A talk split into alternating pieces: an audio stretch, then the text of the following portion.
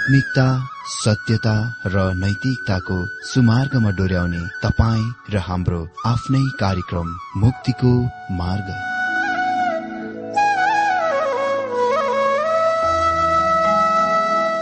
आदरणीय श्रोता यस मुक्तिको मार्ग कार्यक्रममा हार्दिक स्वागत छ। आशा छ यस आत्मिक कार्यक्रमद्वारा जीवनमा आत्मिक आशिष अलौकिक शान्ति र आनन्द प्राप्त गर्नुहुनेछ। र जीवनमा धन्य अनुभव गर्नुहुनेछ। आउनुहोस् श्रोता। मन र आत्माको तयारीको लागि यो मिठो अनि मधुर भजन गीत सुनौ।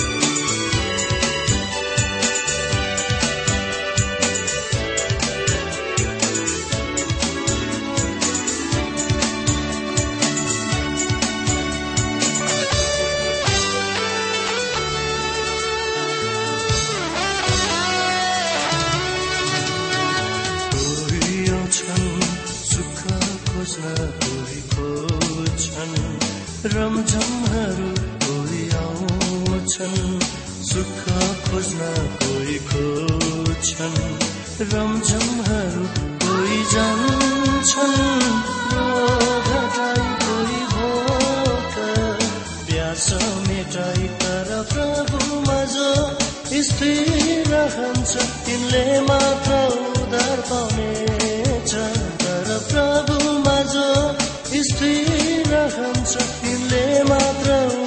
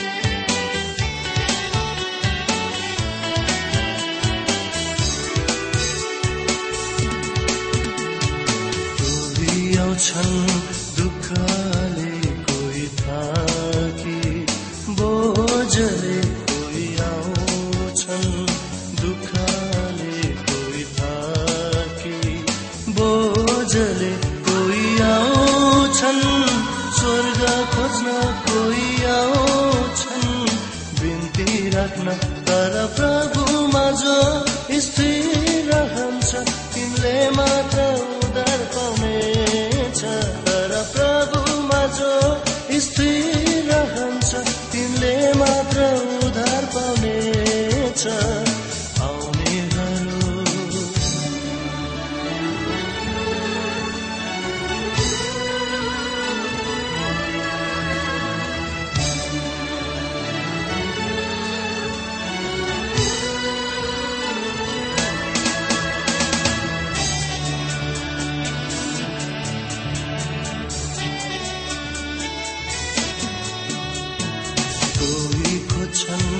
सेवा भने कोही खोज्छन्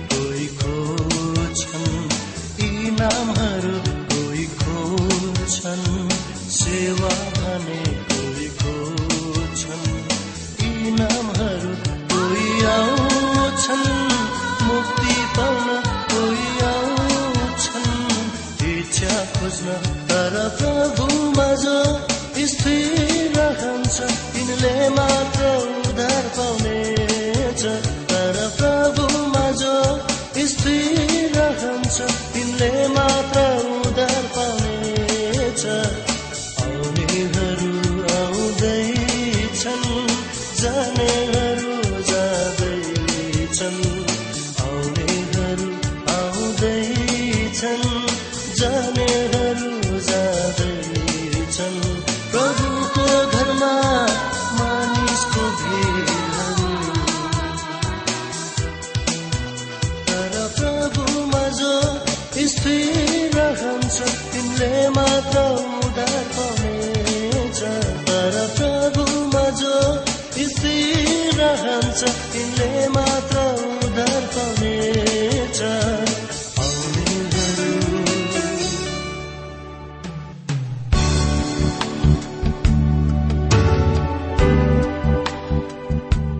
श्रोता यो प्रसारण मार्फत यो अवगत गराउन चाहन्छौ कि प्रभुको सेवाको लागि यहाँहरूको साझेदारी नित्यन्त आवश्यकता छ। यहाँहरूले प्रार्थनाको साथसाथै आर्थिक सहायता गर्न अनुरोध गर्दछौ। तपाईँहरूको सानो भन्दा सानो भेटी किन नहोस्? हामी प्रभुको नाममा स्वीकार गर्नेछौ। प्रभुको सेवाको लागि। तपाईँहरूको यो सानो लगानीले कसैको जीवनमा भिन्नता ल्याउँछ अनि प्रभुको महिमा हुन्छ। प्रभु तपाईँहरूलाई महान गरी आशिष दिनुहुनेछ। इच्छुक श्रोताहरूले तपाईँको इच्छा भेटी हाम्रो ठेगानामा पठाउन सक्नुहुन्छ जुन ठेगाना हामी कार्यक्रमको अन्तमा दिनेछौं। प्रिय श्रोता मित्र प्रभु येशु ख्रिस्टको मधुर अनि सामर्थ्य नाममा मेरो जयमसी तथा हार्दिक स्वागत छ आजको यो बाइबल अध्ययन कार्यक्रममा। श्रोता आज हामी यहुदाको पत्रको मुख्य विषय यो पत्रको प्रसंग अन्तर्गत यहुदा एक अध्ययन एक र दुई पदबाट बाइबल अध्ययन गर्नेछौ। जुनको विषय हुनेछ विश्वासीहरूको निश्चयता। मित्र म तपाईँलाई एकपल्ट याद दिलाउन चाहन्छु कि। पहिला एकदेखि तीन पदहरूमा यहुदाले यो पत्रको उसको लेख्ने कामको लागि प्रसंग दिन्छन्। यहुदाले हामीलाई भन्नेछन् उसले हाम्रा उद्धारको कुनै विषयमा लेख्न इरादा गरेथे तर परमेश्वरको आत्माले रातो चेताउने चिन्ह राखिदिनुभयो। र उसलाई सत्य विश्वास त्यागको दिनतिर आफ्नो ध्यान लान निर्दिष्ट गर्न निर्देशन दिनुभयो जुन यस संसारमाथि आइरहेको हुने थियो। त आज हामी खालि एक अध्याय पद एक र दुईबाट बाइबल अध्ययन गर्नेछौ जुनको हाम्रो विषय हो विश्वासीहरूको निश्चयता। यहुदा एक अध्यायको एक पदमा यस प्रकार लेखिएको छ येशु ख्रिष्टको दास याकुबको भाइ यहुदाबाट बोलाएकाहरू अर्थात् परमेश्वर पितामा प्रियहरू र येशुको निम्ति ख्रिस्टमा सुरक्षित राखिएकाहरूलाई यहुदा। अमित नयाँ नियममा हामीसँग यहुदा नाम गरेका तीन व्यक्तिहरू छन्। तर हामीसँग असल प्रमाण छ जुनले यो पत्रको लेखकको हाम्रा प्रभु येशु ख्रिस्टको सौतेला भाइको रूपमा पहिचान गर्दछ। येशु ख्रिस्टको दास। यो दास शब्दको अक्षरस अर्थ हो बन्धुवा दास उसले प्रभु येशुसँग कुनै रगतको नाता सम्बन्धको दावी गर्दैनन्। मानव त्यसले उसलाई उच्च स्थान दिने थियो। मित्र यसले त्यस विचारधाराको खारेज गर्नुपर्दछ रद्द गर्नुपर्दछ जुन प्रेतहरूको कार्यकाल पछिबाट मण्डलीमा उदय भएथ्यो जुन यस प्रकारको विचारधारणा थियो कि येशुका परिवारलाई विशेष आदर र श्रद्धाको स्थानमा राखिनु पर्दछ। किनकि तिनीहरू सर्वोच्च स्थानका आत्मिकीहरू हुन्। अमित्र तर यहाँ यहुदा आफैलाई येशु ख्रिस्टको दास भन्छन्। उसले आफ्नै निम्ति दासको स्थान लिए। भन्छन् अनि याकुबका भाइ मित्र मैले अघिल्लो दिनमा परिचय खण्डमा भनेको थिएँ यही नै तरिकामा यहुदाले आफैलाई परिचय गर्दछन्। दुवै यहुदा र याकुब प्रभु येशु ख्रिस्टका मानवीय सौतेला भाइ थिए। याकुबले चाहिँ याकुबको पत्र वा पुस्तक लेखे। उसलाई पाउल प्रेरितद्वारा यरुसलेममा मण्डलीमा एक खामाको रूपमा उल्लेख गरिएको छ। ती बोलाएकाहरूलाई जो परमेश्वर पिताद्वारा पवित्र पारिएका छन्। मित्र नेस्टल र वेस्टकोट र हर्टको ग्रिक मूल ग्रन्थ जुन हामीसँग हुने सबभन्दा उक्तम ग्रिक मूल ग्रन्थ हो जुनले हेगियो जो प्रयोग गर्नको सट्टामा जुनको अर्थ हुन्छ पवित्र गर्न यसको सट्टा क्रिया अगा पाओ प्रयोग गर्छन् जुनको अर्थ हो प्रेम गर्न अनि प्राय गरी बाइबल विद्वानहरू यस कुरामा सहमत छन् कि यो अनुवाद पवित्र गर्नलाई भन्दा प्रेम गर्न नै अधिक धेरै ठिक उचित शब्द हो र अनुवाद हो र यसले यो कुरा थाहा पाउनमा हाम्रा हृदयहरूलाई अलिक धेरै बहुमूल्य बनाउँछ कि हामी परमेश्वरद्वारा प्रेम गरिएका छौं। अनि तपाईँहरूसँग केनेथ एसडब्ल्यू वेस्ट जो मोडी बाइबल इन्स्टिच्युटका ग्रिक भाषाका विद्वान थिए उसको अनुवादको बाँड्न चाहन्छु। जुनको धेरैपल्ट मौलिक र ओरिजिनल अर्थ दिन्छ येशु ख्रिस्टको बन्धुवा दास र याकुबको भाइ यहुदाबाट ती जसलाई परमेश्वर पिताद्वारा प्रेम गरिएका छन् र उहाँको प्रेमको स्थायी पात्रहरू भइरहेका कुराको स्थितिमा छन् र जसको लागि प्रभु येशु ख्रिस्टले बचाउ गरिरहनु भएको छ र ध्यान र होसियापूर्वक देखरेखको स्थायी स्थितिमा छन् र ती जो बोलाइएका हुन् यो शास्त्रको अद्भुत अनुच्छेद हो। हामी परमेश्वर पिताद्वारा प्रेम गरिएका छौं र यसो ख्रिसको लागि सुरक्षित राखिएका छौं। त्यहाँ यो विषय सूचीमा धेरै शब्दहरू छन् जुनको मैले तिनीहरूका महत्वपूर्णताको कारण व्यवहार गर्नै पर्छ। पहिलो शब्द हो सुरक्षित पारिएको सुरक्षित राखिएको। यो नै त्यो शब्द हो जुनले हामीलाई यहुदाको पुस्तकको चाबी दिन्छ जुनले सत्य विश्वास त्यागको प्रस्तुत गर्छ जस्तो कि अरू कुनै जग्गा स्थान शास्त्रमा पेश गरिएको छैन। ओ यो कति भयानक छ। तर यहुदाले हामीलाई दिनमा नै भयभीत गराउनलाई लेख्दैनन् न उसले हाम्रा जानकारीको लागि विविध तस्विरको खिच्नलाई नै लेख्छन्। उसले हामीलाई यो पृष्ठभूमि यस कारणले दिन्छन्। ताकि उसले सत्य विश्वास त्यागको दिनहरूमा हामीलाई निश्चयता मिल्न सकोस्। उसले सुरक्षित शब्द चारपल्ट प्रयोग गर्छन्। तिनीहरूलाई यसु ख्रिस्टमा सुरक्षित राखिएका छन्। परमेश्वर एक हुनुहुन्छ जसले तिनीहरूलाई बचाइराख्नुहुन्छ। पद एक्काइसले भन्ने कुराको ध्यान दिनुहोस् आफूलाई परमेश्वरको प्रेममा सुरक्षित राख। अनि पद चौबिसले भन्छ अब उहाँलाई नै जसले तिमीहरूलाई लोट्नदेखि बचाउन सक्नुहुन्छ। तपाईँ यसलाई आफ्नो इच्छा लागे अनुसार जे पनि भन्न सक्नुहुन्छ तर यसले सत्य विश्वास त्यागको अन्ध्यारो दिनमा पनि विश्वासीहरूको विश्वासीहरूलाई उद्धारको निश्चयता दिन्छ हामी देख्नेछौ कि तपाईँ र म हालमा सत्य विश्वास त्यागको दिनमा रहिरहेका छौं। मण्डलीको स्वर्गीय यात्रा भन्दा अघि वा पहिले हामी कति अगाडि यसमा जानेछौ। मलाई थाहा छैन। न कसैलाई यसको बारेमा थाहा छ। तर हामी निश्चय नै सत्य विश्वास त्यागको समयमा छौं। मित्र अहिले सुरक्षित राखिएको छ शब्दमा हेर्दाखेरि यो कुराको नोट गर्न चाकलाग्दो कुरा छ कि भौतिक संसारमा आहार वा भोजनलाई सुरक्षा राख्ने दुई तरिकाहरू छन्। एउटा चाहिँ सिरकासँग अर्को चाहिँ चिनीसँग। हाम्रा दिनमा धेरै त्यस्ता विश्वासीहरू छन्। म सोच्दछु जसलाई बिल्कुल सही तरिकामा सुरक्षित राखिएका छन्। तर तिनीहरू सिर्कामा सुरक्षित राखिएका छन्। तिनीहरूसँग सिर्का संग्रह वा जम्मा गराइछ उही समयमा त्यहाँ चिनीमा बचाइ राखिएकाहरू पनि छन्।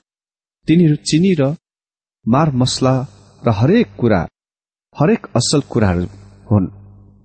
अनि तिनीहरू खालि सबै स्त्रीहरू मात्र होइनन् तर सिर्कामा सुरक्षित राखेका बचाइ राखेका जस्ता देखिनेहरू पनि परमेश्वरको अनुग्रहद्वारा सुरक्षित राखिएका छन्। बचाइ राखिन्दछन्।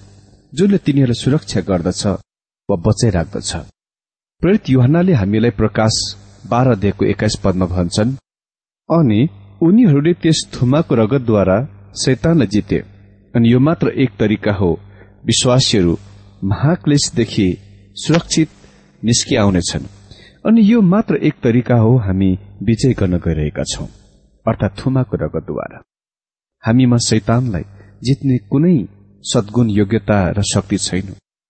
म त्यस नमूनाको उद्धृत गर्नेछु जुन येशु ख्रिष्ट स्वयंले दिनुभयो जब उहाँले युहान दश अध्ययको एघार पदमा भन्नुभयो म असल गोठाला हुँ र असल गोठालाले उसको जीवन भेडाको लागि दिन्छ। त्यसपछि उहाँ आफ्नो भेडाको बारेमा निरन्तर कुरा गर्नुहुन्छ। युहान दश अध्यय छब्बीसदेखि उन्तिस पदमा मेरा भेडाहरूले मेरा स्वर सुन्छन् अनि म तिनीहरूलाई चिन्छु अनि तिनीहरूले मलाई पछ्याउँछन् अनि म तिनीहरूलाई अनन्त जीवन दिन्छु र तिनीहरू कहिले पनि नष्ट हुने छैनन् न त कसैले तिनीहरूलाई मेरो हातबाट खोसेर लैजान्छन्। मेरो पिता जसले ती मलाई दिनुभयो सबैभन्दा महान हुनुहुन्छ।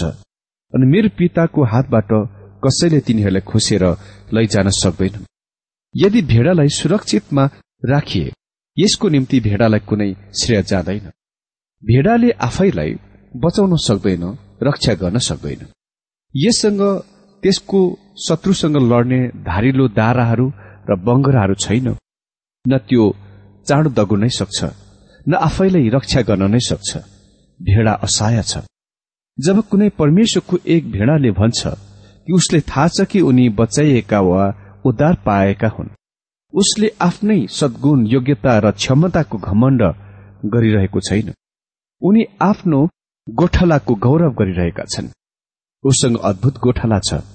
मेरो मित्र यदि तपाईँ भनिरहनु भएको छ कि तपाईँ आफ्नो उद्धारको बारेमा निश्चित हुनुहुन्न तपाईँ वास्तवमा आफ्नो गोठालामाथि आश्रित भइरहनु भएको छैन।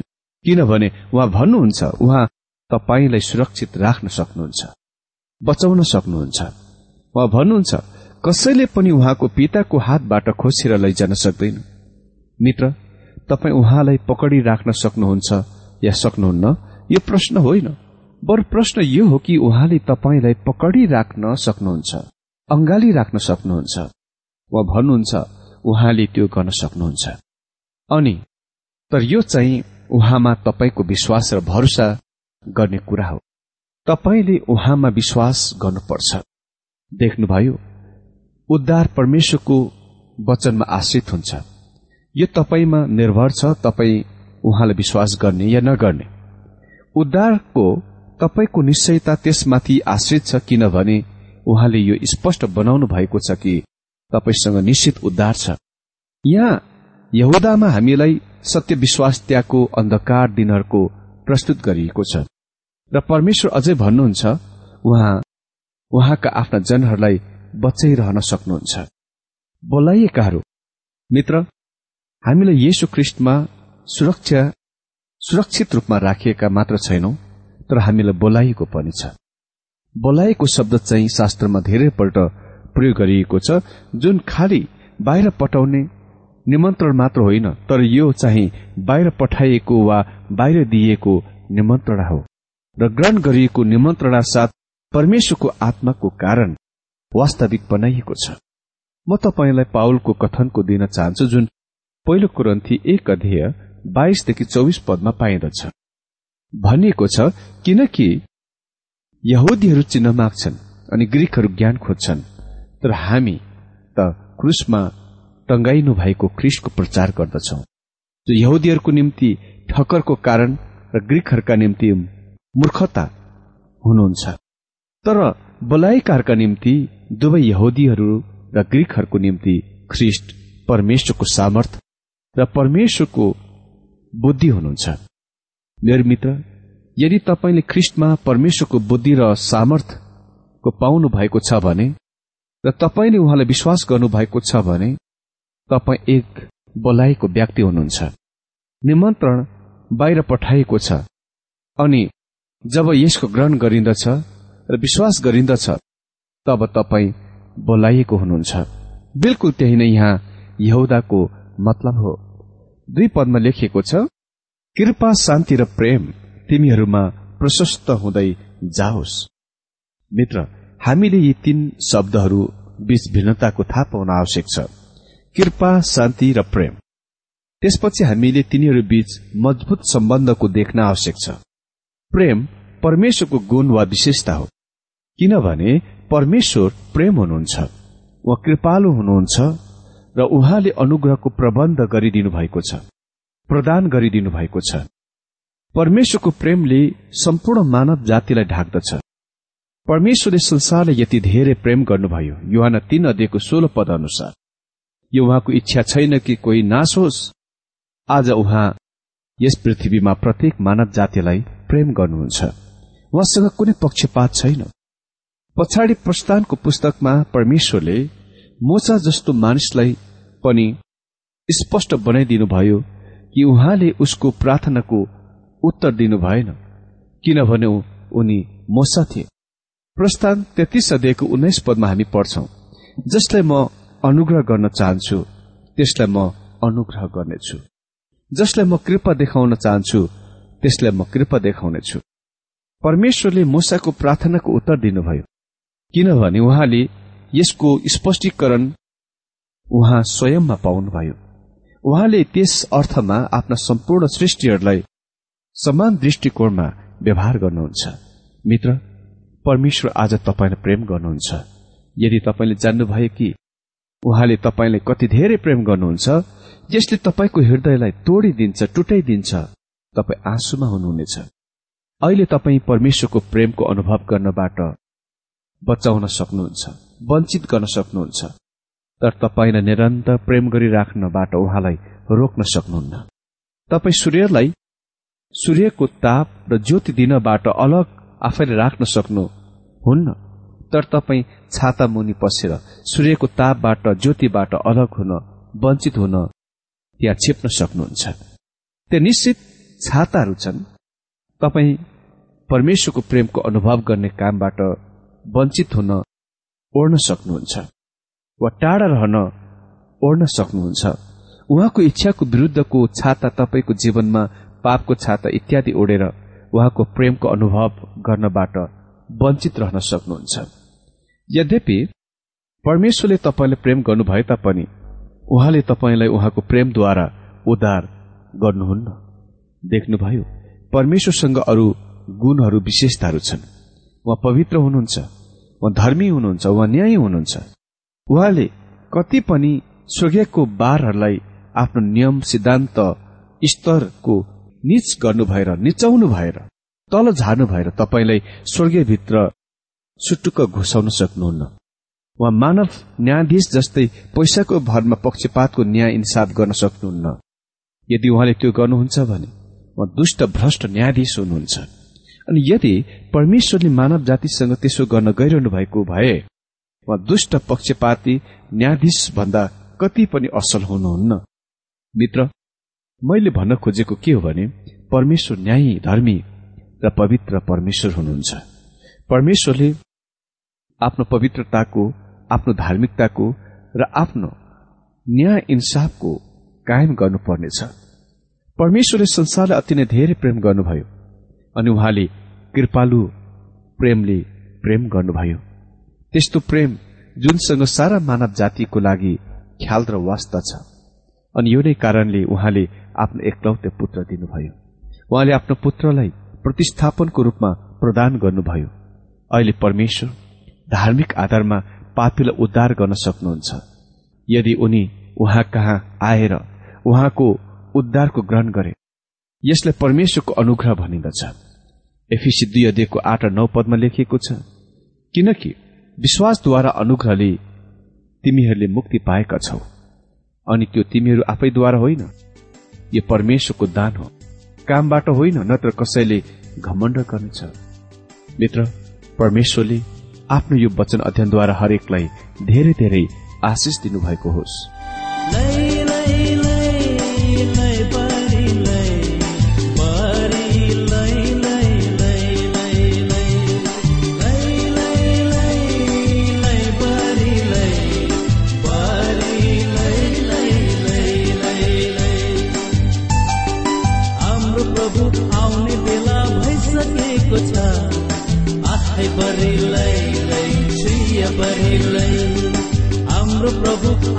बेला भइसकेको छ। आफै पनि लै लै प्रिय पनि लै। आफै पनि लै लै प्रिय पनि लै।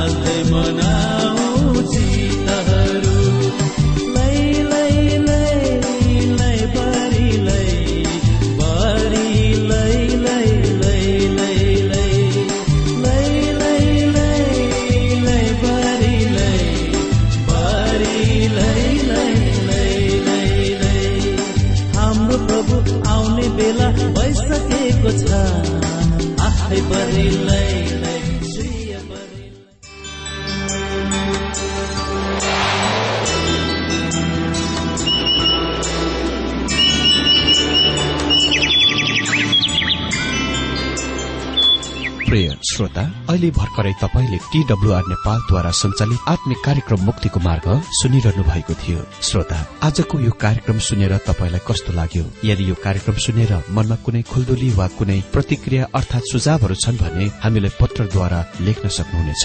हामी हृदयदेखि नै स्वागत गर्नेछौ स्वीकार गर्नेछौ साथै बाइबल सम्बन्धित प्रचारहरू कार्यक्रम सारणीहरू हामी अनुरोधमा पठाउन सक्छौ। अनि तपाईँसँग कुनै प्रार्थनाको विषय छन् भने हामीले तपाईँको लागि प्रार्थना गरेको चाहनुहुन्छ भने प्रभुमा आफ्नै परिवार सम्झेर हामीलाई पत्रमा लेख्न सक्नुहुनेछ। तपाईँको लागि हामी प्रभु येशुसँग प्रार्थना गर्नेछौ। अधिक जानकारी र पत्रचारको लागि हाम्रो ठेगाना यस प्रकार छ।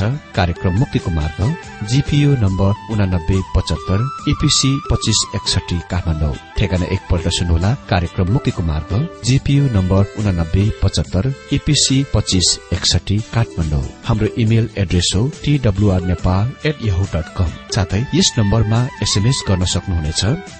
चार सत्तरी पैंतिस छ सय उनासी नौ आठ चार सात जिरो तीन पाँच छ सात नौ। हुन्छ श्रोता आजलाई हामी विदा चाहन्छौ। अर्को कार्यक्रममा हामी पुनः भेट्नेछौ तबसम्मलाई नमस्कार।